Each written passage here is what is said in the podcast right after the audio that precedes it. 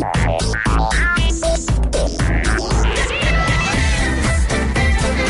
I ara és l'hora de créixer, l'hora de valorar com ens trobem. Eh, parlarem de l'empresa, del món empresarial, i ho fem amb l'Oriol López, que és assessor d'empreses eh, i, i autor del llibre Creix i Prospera. Oriol, bon dia. Molt bon dia. Ara ho estàvem dient, no sabíem ben bé eh, que, com valorar, què hem de fer. Eh, de moment hem de mm, situar-nos, és a dir, portem eh, un temps amb una mena d'estat de xoc i ara potser seria el moment de fer una mica de revisió i pensar, a veure, on estem, cap on hem d'anar, Seria això, no, Oriol? Exacte, o sigui, és com si, si xoca un cotxe i hem d'avaluar danys, no? De veure què ha passat, si és només una ratlla, una rascada al paraxoc o és un sinistre total, no? I llavors ara seria aquell moment de dir que, quina situació financera i fins i tot a nivell de comercial i estratègica tenim. Eh, per exemple, eh, doncs quina situació a nivell de tresoreria tenim. És a dir, ens queden diners, ens queden diners, parlàvem la setmana passada, setmanes de marge, no? Quantes setmanes de marge ens queden, no? És a dir, quant de temps eh, de diners tenim? Tenim la liquiditat adequada?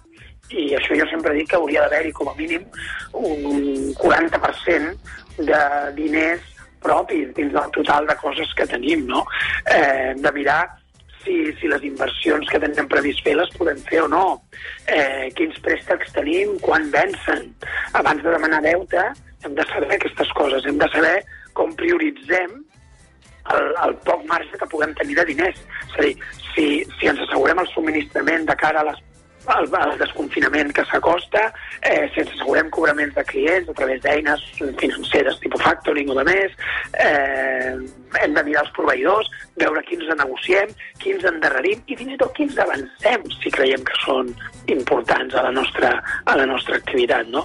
És a dir, hem de, hem de veure si el benefici està en perill si, si tot això no només ha afectat els diners que tenim, sinó afecta el potencial benefici o pèrdua que puguem tenir, per exemple, les empreses eh, d'hostaleria, ara mateix han d'avaluar no només la liquiditat, sinó que han d'avaluar si està en perill el negoci o el benefici dels propers mesos, encara que es faci un desconfinament, perquè no serà el mateix obrir a un 30%, un 50%, un 75%. És evident, i jo crec que aquí és el, el punt de preocupació que té molta gent a l'hora d'obrir la persiana. Val la pena obrir-la, no val la pena?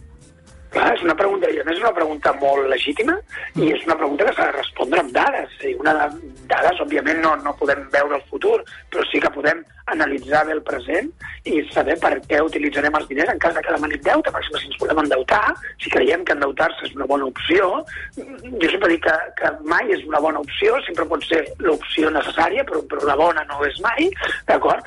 Eh, si volem endeutar-nos, doncs hem de saber per què, què farem amb aquests diners. O sigui, aquests diners ens serviran per créixer, per millorar, per situar-nos en un nou, en un nou, en un nou camí de creixement a llarg termini, o ens serviran només per superar dos mesos i després tornarem a tenir problemes. Això és important perquè eh, això és veure si el benefici, si els actius que tenim estratègics estan en perill o no. Jo, quan l'altre dia parlàvem de trucar als clients o de cuidar les persones, crec que ara mateix és qüestió de protegir els actius, el que jo en dic actius estratègics d'una empresa és primer el talent intern. Les persones a dins són les que et permetran en el desconfinament, són les que et permetran tornar a treballar, tornar a ressorgir, no? Per tant, protegir-lo molt. Protegir els proveïdors que consideris clau.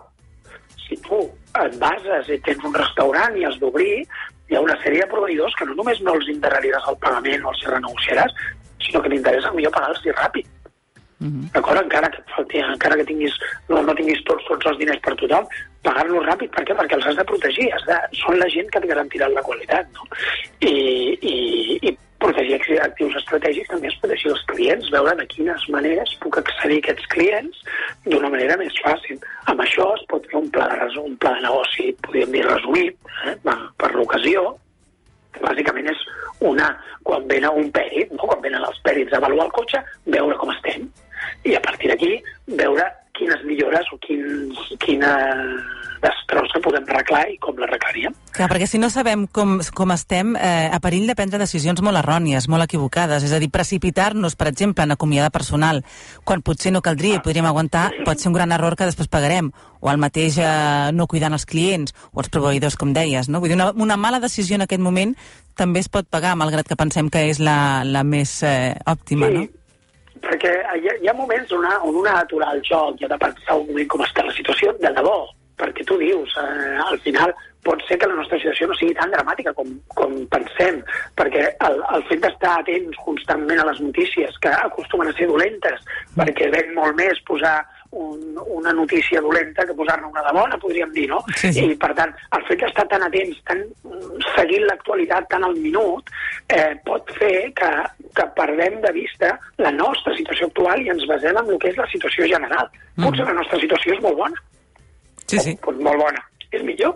Molt millor del que pensem, no? Clar, prendre decisions com acomiado la gent, quan en realitat, a lo millor, jo el que hauria d'estar fent és mantenir-la i preparant-la per la sortida, eh, pot ser un error molt clau, o, o dir-li a tots els proveïdors que et retallo els pagaments, pot ser un error que paguis en, en un futur molt proper, perquè aquest proveïdor eh, pot ser que caigui. Sí, sí. I si cau, a tu et castiguen el, el, el valor que tu portes als teus clients, cau també. sí Per sí. tant, s'ha de vigilar molt, s'ha d'avaluar molt bé aquestes coses. Llavors has d'avaluar si, tens, si està la liquiditat en perill, és a dir, si està la caixa, d'acord, la caixa, la tresoreria, els diners, estan en perill, és a dir, si tenim prou diners a la caixa o no. Eh, ja has d'avaluar si el benefici està en perill, és a dir, si el model de negoci està en perill o no.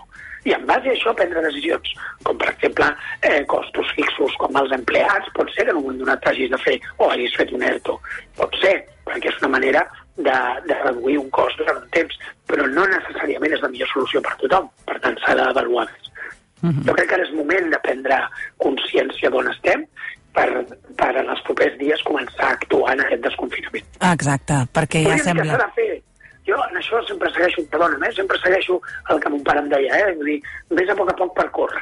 Sí, doncs és ben bé així. eh, i, i, I de vegades és això, és a dir, per poder córrer, per poder prendre decisions d'aquí dos o tres dies, has de calmar-te un moment Mhm, i has d'intentar aturar i anar a poc a poc analitzant bé la situació.